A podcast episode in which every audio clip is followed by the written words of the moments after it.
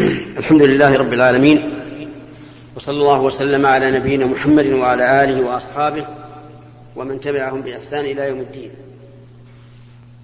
اما بعد فهذا هو اللقاء الثاني والستون بعد المئه من اللقاءات التي تسمى لقاء الباب المفتوح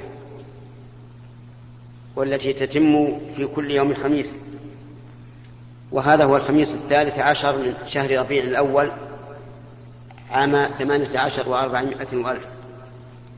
نبتدئ هذا اللقاء بما كنا نبتدئ به اللقاءات السابقة بالكلام على ما ت... بالكلام بما تيسر في تفسير الآيات الكريمة التي انتهينا إليها في سورة الطور وهي قوله تبارك وتعالى فذكر فما أنت بنعمة ربك بكاهن ولا مجنون. الخطاب للنبي صلى الله عليه وعلى آله وسلم ذكر. والمذكر محذوف. والتقدير ذكر الناس. أو إن شئت فقل ذكر من أرسلت إليهم من الجن والإنس. فما أنت بنعمة ربك بكاهن ولا مجنون. هذا نفي لما ادعاه المكذبون للرسول صلى الله عليه وسلم بأنه كاهن أو مجنون. قال الله تعالى فذكر فما أنت بنعمة ربك أي بإنعام ربك عليك بما أنزل عليك من الوحي لست بكاهن ولا مجنون. والكاهن هو الذي يخبر عن المغيبات في المستقبل. وكانت الكهانة في الجاهلية مشهورة. يكون للإنسان رأي من الجن. يصحبه ويخدمه ثم يصعد الجني إلى السماء. يستمع ما يقال في السماء. وينزل به على هذا الكاهن. فيكون هذا علم غيب عن أهل الأرض. لكن الكاهن يزيد عليه أشياء كثيرة يتخرصها. فإذا وقع ما سمعه من السماء صار عظيما في قومه لأنه أخبر عن شيء مستقبل فوقع. فالكاهن إذن هو الذي يخبر عن إيش؟ المغيبات في المستقبل. فالنبي صلى الله عليه وعلى آله وسلم لما جاء بالوحي رده المشركون وكذبوه وقالوا إنما جاء به محمد من الكهانة. لأن الكهان يخبرون عن الشيء فيقع. ولأن الكهان أيضا يأتون بكلام مسجوع. يأتون بكلام مسجوع يشبه القرآن. والقرآن كما تعلمون آيات مفصلة أتى بها النبي صلى الله عليه وعلى آله وسلم. ولهذا قال النبي صلى الله عليه وسلم في كلام حمل بن النابغة الذي قال يا رسول الله كيف أغرم من لا شرب ولا أكل ولا نطق ولا استهل فمثل ذلك يطل. فقال النبي صلى الله عليه وسلم إنما هو من. من إخوان الكهان من أجل سجعه الذي سجع. المهم أنهم يقولون إن محمد رسول الله صلى الله عليه وعلى آله وسلم يقولون إنه كاهن فنفى الله ذلك. ثم قالوا إنه مجنون. يأتي بما لا يعرف. كذبهم الله. قال ما أنت بنعمة ربك بكاهن ولا مجنون. هذه الجملة منفية مؤكدة بالباء. الباء الزائدة إعرابا المفيدة معنى بكاهن أصلها فما أنت بنعمة ربك كاهنا. ولا مجنونا. لكن زيدت الباء توكيدا للنفي. ثم قال الله تعالى أم يقولون شاعر يعني بل أيقولون. وأم هذه تسمى عند المعربين منقطعة. يعني لا عاطفة. لأن بل تأتي عاطفة وتأتي منقطعة. فهنا منقطعة.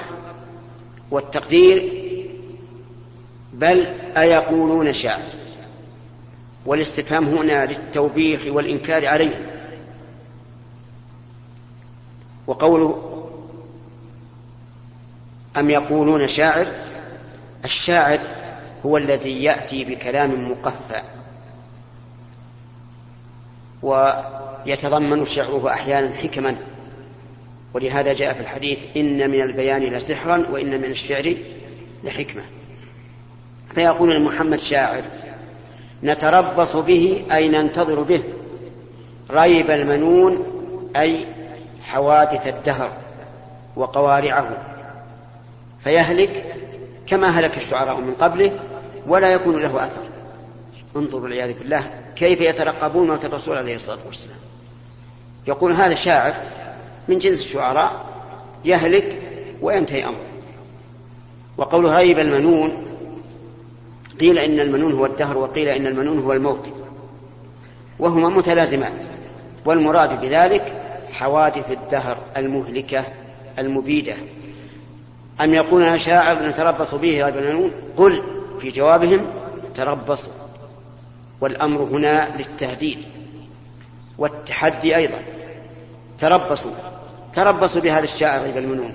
وانظروا هل يموت وتموت دعوته؟ أو أنكم أنتم تموتون وتموت معارضتكم. إذا تربصوا نقول هذا فعل الأمر لإيش؟ للتحدي والتهديد أيضا. تربصوا. فإني معكم من المتربصين. يعني فأنا منتظر أيضا. انتظروا أنتم وأنا أنتظر. لمن تكون العاقبة؟ وصارت العاقبة والحمد لله للرسول صلى الله عليه وعلى آله وسلم. قل تربصوا فإني معكم من المتربصين. أم تأمرهم؟ أم هنا نقول إنها منقطعة؟ وأم المنقطعة تقدر بإيش؟ ببل والهمزة. ببل والهمزة. المعنى بل أتأمرهم. وهذا انتقال من الأول إلى الثاني. أتأمرهم أحلامهم أي عقولهم؟ بهذا فيقولون إنه مجنون إنه كاهن إنه شاعر. هل عقولهم تأمرهم بهذا؟ الجواب بل هم قوم طاغون. أي بل لا تأمرهم عقولهم بهذا. وكثير منهم يعلم أن محمد رسول الله صلى الله عليه وسلم حق.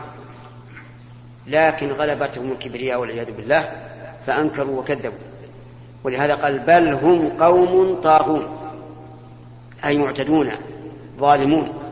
وأصل الطغيان مجاوزة الحد. كما في قوله تعالى إنا لما طغى الماء أي طغى الماء يعني إيه؟ يعني زاد وارتفع عن, عن عادته. حملناكم في الجارية. بل هم قوم طاغون. إيش بعده؟ لا أم يقول تغول. آه، أم يقول قل تربص أم تأمرهم أحلام بهذا أم هم قوم طاغون. أم يقولون تقولا هذا أيضا إطلاق آخر. وأم هنا بمعنى منقطعة بمعنى بل والهمزة. والمعنى بل أيقولون تقوله. أيقولون تقوله. أي اختلقه وكذب به. هذا يعني قسم منهم قالوا محمد عليه الصلاة والسلام تقول هذا القرآن واختلقه من عنده. وبعضهم يقولون إنما يعلمه بشر. أم يقولون تقوله؟ بل لا يؤمنون. يعني بل هم لا يؤمنون ولو آمنوا لعلموا أن القرآن لا يمكن أن يتقوله بشر لأن كلام الله عز وجل لا يشبهه أي كلام. ثم تحداهم فقال فليأتوا بحديث مثله إن كانوا صادقين. يعني إذا كنت أنت تقولته فأنت مثلهم. بشر تتكلم كما يتكلمون وتخطب كما يخطبون وتقول كما يقولون فإذا كنت متقولا له وهو من عندك فليأتوا بحديث مثله. لأن البشر يمكن أن يأتي بكلام يشبه كلام البشر الآخر. فإذا كان محمد صلى الله عليه وسلم تقوله فهاتوا مثله. فليأتوا. واللام هنا للأمر والمقصود به إيش؟ التحدي والتعجيز. فليأتوا بحديث مثله إن كانوا صادقين. وهذا غاية التحدي. عجزوا ما استطاعوا أن يأتوا بحديث مثله مع أنهم أمراء البلاغة وسلاطين الفصاحة لكن عجزوا فماذا يدل عجزهم عليه؟ يدل على أن القرآن ليس من كلام البشر بل هو من من كلام الله عز وجل. ولهذا قال فليأتوا بحديث مثله إن كانوا صادقين. ومع ومع قوة المعارضة وقوة البلاغة والفصاحة عجزوا أن يأتوا بحديث مثله. ما استطاعوا فدل ذلك على أن محمد رسول الله صلى الله عليه وعلى آله وسلم لم لم يتقوله ولن يستطيع أن يأتي بمثله. وفي قوله فليأتوا بحديث مثله كلمة حديث نكرة. والنكرة تدل على الإطلاق. لكن جاء في آية أخرى. أن الله قال فليأتوا. قل فأتوا بسورة مثله. أم يقولون افتراه؟ قل فأتوا بعشر سور مثله مفتريات وجاء في في آية أخرى الإخبار بأنه لن يستطيع أحد أن يعارض القرآن. فقال تعالى قل لئن اجتمعت الإنس والجن على أن يأتوا بمثل هذا القرآن لا يأتون بمثله. حتى ولو تعاونوا. نعم. ولو تعاونوا. ولهذا قال ولو كان بعضهم لبعض ظهيرا. تبين الآن بطلان قولهم إنه تقوله. لماذا؟ أن الله تحداهم أن يأتوا بمثله ولكن عجزوا فليأتوا بحديث مثله إن كانوا صادقين أنك تقولته يعني إن كانوا صادقين في دعواهم أنك تقولته فليأتوا بحديث مثله. ثم قال الله تعالى مستدلا بربوبيته على ألوهيته قال أم خلقوا من غير شيء أم هم الخالقون؟ أم نقول فيها ما سبق بمعنى بل والهمزة بل أخلقوا من غير شيء أي من غير خالق أم هم الخالقون؟ والجواب لا. لا خلقوا من غير خالق ولا هم الخالقون. أما كونهم لم يخلقوا من غير خالق فلأن القاعدة العقلية الحسية التي أجمع عليها العقلاء أن كل محدث لا بد له من محدث. لا بد له من محدث. كل محدث لا بد له من محدث. هذه قاعدة اتفق عليها العقلاء. فإذا كان كل محدث لا بد كل فإذا كان كل حادث لا بد له من محدث. نظرنا في أنفسنا. نحن حادثون. أليس كذلك؟ قال الله تعالى هل أتى على الإنسان حين من الدهر؟ لم يكن شيئا مذكورا. الواحد منا الذي له عشرون سنة هو قبل قبل 22 سنة. ليس شيئا مذكورا. ليس شيئا مذكورا. ولا يعرف ولا يدرى عنه. إذا نحن حادثون. كل حادث يا إخواني لا بد له من محدث. فهل أنتم خلقتم من غير محدث؟ الجواب لا. هذا جواب عقلي لا ينكر. أم هم الخالقون لأنفسهم؟ الجواب لا ولا نعم؟ لا لأنهم قبل أن يوجدوا عدم. وكيف يمكن للعدم أن يخلق؟ ما يمكن هذا. فإذا تبين أنهم لم يخلقوا من غير خالق وأنهم لم يخلقوا أنفسهم تعين أن يكون لهم خالق قادر على إيجاده من؟ الله عز وجل. لا يستطيع أحد منهم أن يقول إن الذي خلقني أبي أو أمي. لا يستطيع أحد ذلك أن يقول هذا. فإذا لم يكن كذلك تعين أن يكون لهم خالق وهو الله تبارك وتعالى. وإذا كان لهم خالق وهم مخلوقون مربوبون مدبرون. فالواجب أن يخضعوا لهذا الخالق وأن يعبدوه وحده كما أنه هو الخالق وحده. هذه الآية سمعها جبير بن مطعم وكان قد قدم على المدينة وهو مشرك قدم على النبي إلى النبي صلى الله عليه وسلم في طلب الفداء لأسرى بدر. أظن لا يخفى كثيرا منكم أن بدرا انتصر فيها النبي صلى الله عليه وسلم وأصحابه والحمد لله ونصرهم نصر لنا. قتلوا من, من, من قريش سبعين رجلا وأسروا سبعين رجلا وجاءوا بهم إلى المدينة وانقسموا إلى أقسام منهم من أطلقه النبي عليه الصلاة والسلام ومن عليه ومنهم من فداه بمال ومنهم من فداه بأسير إن كان هناك أسير لا أدري ومنهم من فداه بتعليم أهل المدينة الكتابة جبير بن مطعم أتى إلى النبي عليه الصلاة والسلام يطلب فداء أسرى بدر. لأنه من صميم قريش والأسرى أيضا من قريش. ويظهر لي والله أعلم أن جبيرا سمع قول النبي صلى الله عليه وسلم لو كان المطعم بن عدي حيا فكلمني في هؤلاء النتنى لتركتهم له. لأنكم تعرفون قصة جبير حين رجع النبي عليه الصلاة والسلام من الطائف أجاره أجاره وصار يمشي معه من حين دخل مكة إلى أن وصل إلى الكعبة. وأمر أبناءه وهو متقلد متقلد السيوف أن يقف كل واحد على ركن من أركان الكعبة حتى لا يعتدي على الرسول أحد.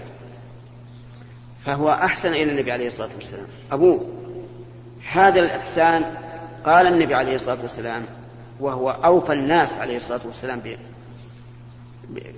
بكرمه قال لو كان المطعم بن عدي حيا فكلمني في هؤلاء النتنى من هم النتنى الأسرع ووصفهم بأنهم نتنى لأن المشركين نجس. والنتن هو الرائحة الكريهة. في هؤلاء النتنى لا تركتهم له. جبير ابنه. فلعله والله أعلم. لعله سمع بهذه المقالة. فجاء إلى إلى النبي صلى الله عليه وسلم يطلب فداء الأسرى. وكان الرسول عليه الصلاة والسلام يقرأ في المغرب بسورة الطور. لما بلغ هذه الآية أم خلقوا من غير شيء أم خالقون؟ قال جبير كاد قلبي يضيع لأن هذه حجة ملزمة. لا يمكن أن يتخلص منها أحد. قال ووقر الإيمان في قلبي. يعني معناه أنه دخل الإيمان في قلبي سبحان الله. انظر تأثير القرآن. الكريم مع أنه ما دعاه الرسول صلى الله عليه وسلم في تلك الساعة لكن سمع هذه الآية العجيبة العظيمة فكاد قلبه يطير. أم خلقوا من غير شيء أم هم الخالقون؟ الجواب بكل سهولة إيش؟ لا في الأمرين. لا خلقوا من غير شيء ولا هم الخالقون بل لهم خالق وهو الله سبحانه وتعالى. ولا أحد يمكن أن ينكر هاتين المقدمتين. كل كلها حجة قطعية تدمغ كل كافر. لأن إذا قيل إذا قال نعم وله خالق له خالق خلقه قلنا إذا لماذا لا تعبده؟ لأنك عبد له مملوك له. أم, أم خلقوا السماوات والأرض؟ انتقل من الأدنى إلى الأعلى. خلق السماوات والأرض أكبر من خلق الناس. فانتقل من الأدنى إلى الأعلى. أم خلقوا السماوات والأرض؟ الجواب؟ لا. يعني أن هنا مثل مثل سابقاته. بل أخلقوا السماوات والأرض. والجواب؟ لا. حتى هم يقرون بهذا ولئن سألتهم من خلق السماوات والأرض ليقولون خلقهن العزيز العليم. يقرون بهذا. لكن مع ذلك ما يعترفون بالرسالة.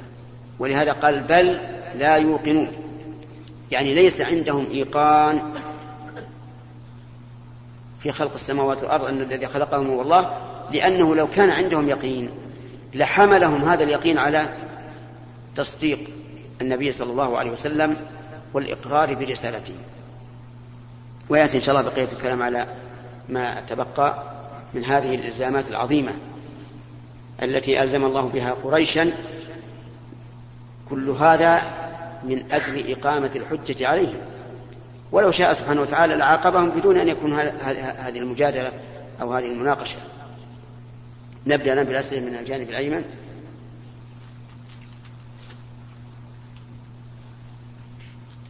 فضيلة الشيخ أحد جيراني عنده أسرة كبيرة. أولاد وبعضهم متزوجين.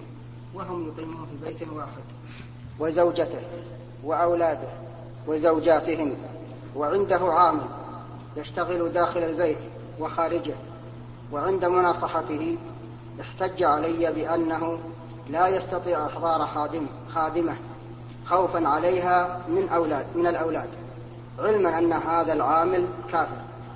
وأخيرا طلب مني أن أسألك عن هذه المسألة ويقول سوف آخذ بفتوى الشيخ ابن عثيمين فبماذا تفتونه؟ جزاكم الله خيرا. أقول بارك الله فيك. لولا حديث عن النبي صلى الله عليه وسلم أن علي بن أبي طالب طلب من المقداد بن الأسود أن يسأل, أن يسأل النبي صلى الله عليه وسلم فأجابه الرسول لولا هذا ما أجبتك. ما الذي يحول بينه وبيني؟ يعني أنا ما كان كلامي معه كان يستجيب فتوى من الشيخ. على كل حال قل له إني سألته وأنه وإنه يقول يأتي بخادم معها محرم. تكون الخادم الأنثى في البيت والرجل المحرم لقضاء حاجاته هو إما سائق وإما يأتي بالحاجات من السوق أو ما أشبه ذلك. هذا أسلم لدينه ولعرضه. ثم إذا أراد أن يأتي بخادم على ما وصفته أنا الآن فلتكن مسلمة فلتكن مسلمة وزوجها سيكون مسلما إذا كانت الزوجة مسلمة. لأن الكفار أعداء أعداء الله ورسوله وأعداؤنا أيضا. ما نأمنه ولهذا لما كتب أبو موسى الأشعري إلى عمر بن الخطاب يطلب منه أن يجعل كاتبا نصرانيا يحصي بيت المال ويمدحه أبو موسى. أو خالد بن الوليد. صار عندي الآن نسيان.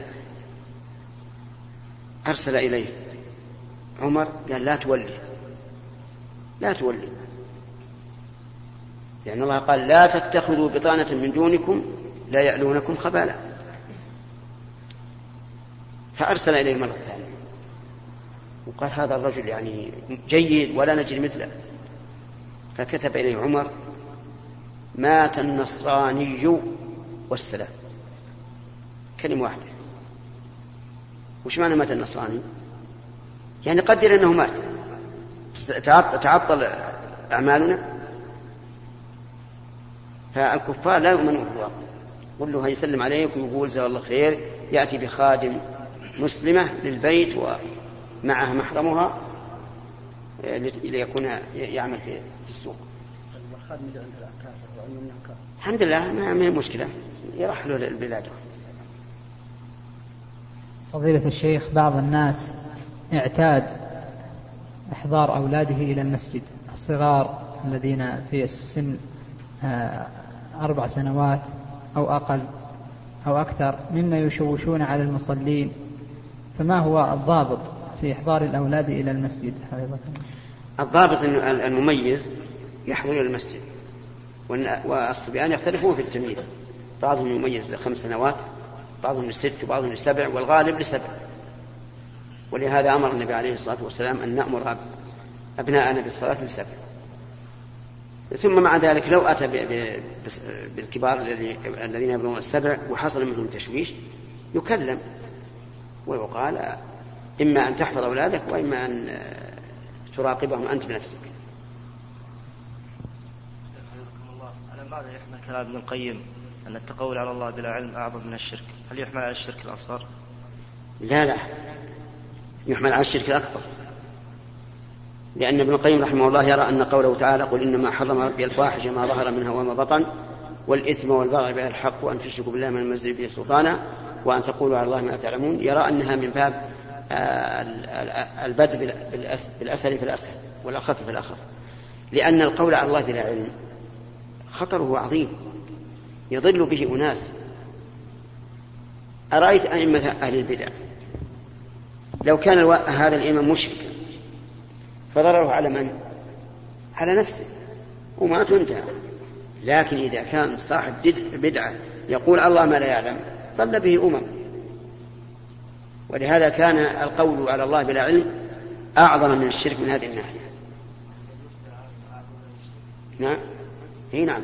نعم. لأنه تضمن الكذب على الله وإضلال عباد الله. نعم. عاد مسألة الكفر هذه تحتاج إلى تفصيل. نعم. شيخنا بارك الله فيكم. ما رأيكم في من يسقط خلافة عثمان رضي الله عنه ويقول أن خلافة علي امتداد طبيعي لخلافة الشيخين قبله. هذا أهون من اللي يقول أن خلافة علي امتداد لسيرة الرسول عليه الصلاة والسلام. ويقول الإمام أحمد رحمه الله إن الذي يطعن في خلافة واحد من الأربعة أضل من حمار أهله. كيف المسلمون يتفقون على خلافة عثمان ويبايعه علي رضي الله عنه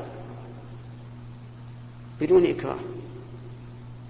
ونقول إن خلافته ساقطة هذا الحين الذي يطعن فيه قد أسرى بالمهاجرين والأنصار. وعاب المهاجرين والأنصار. نعم. شيخ ما حكم إبطال السحر بالسحر؟ وما حكم إذا أخبر الكاهن عن الغيب النسبي؟ مثلا سرق شيء وأخبر به الكاهن. سرق. مثلا سرق شيء بعض الناس يعرفه وبعض الناس نعم. لا يعرفه. أما الأول وهو حل السحر بالسحر فلا يجوز لأن هذا يؤدي إلى انتشار السحر. إذ أن الإنسان الذي يحل السحر بالسحر لا بد أن يعطى على هذا جائزة وأموال كثيرة. فيفضي إلى تعلم الناس السحر من أجل أن ينقضوه. وهذه مفسدة عظيمة. يعني لو قدر أن المسحور مات فالضرر هنا فردي لكن كثرة السحرة ضرر عظيم على الأمة. فلا يجوز أن ينقض السحر بالسحر. لكن بعض العلماء قال إذا كان هناك ضرورة بحيث ندرس كل حالة وحدها. فقد يرخص في ذلك. وعلل هذا بأن بأن السحر ضرر وإزالة الضرر لا بأس بها. ولهذا سئل ابن المسيب رحمه الله عن رجل لا يستطيع أن يجامع زوجته. فيه سحر. هل يؤخذ عنه أو ينشر؟ قال لا بأس إنما يريدون بذلك الإصلاح. نقله الشيخ محمد بن الوهاب رحمه الله في كتاب التوحيد. لكننا لا نفتي بذلك لأنه كما قلت لك فيه هذا الضرر العظيم. وربما يتفق السحرة فيقول أحدهم هو يسحر والثاني يقول أنا أنكر نعم والشرط بينه. نعم. آه. نعم. الكاهن كما قلت لك قبل قليل. سمعت. ماذا قلنا؟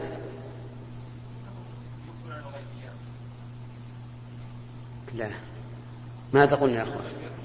أي المغيرات في المستقبل. هذا الكاهن. أما الذي يخبر عن شيء وقع لكنه غائب عنه.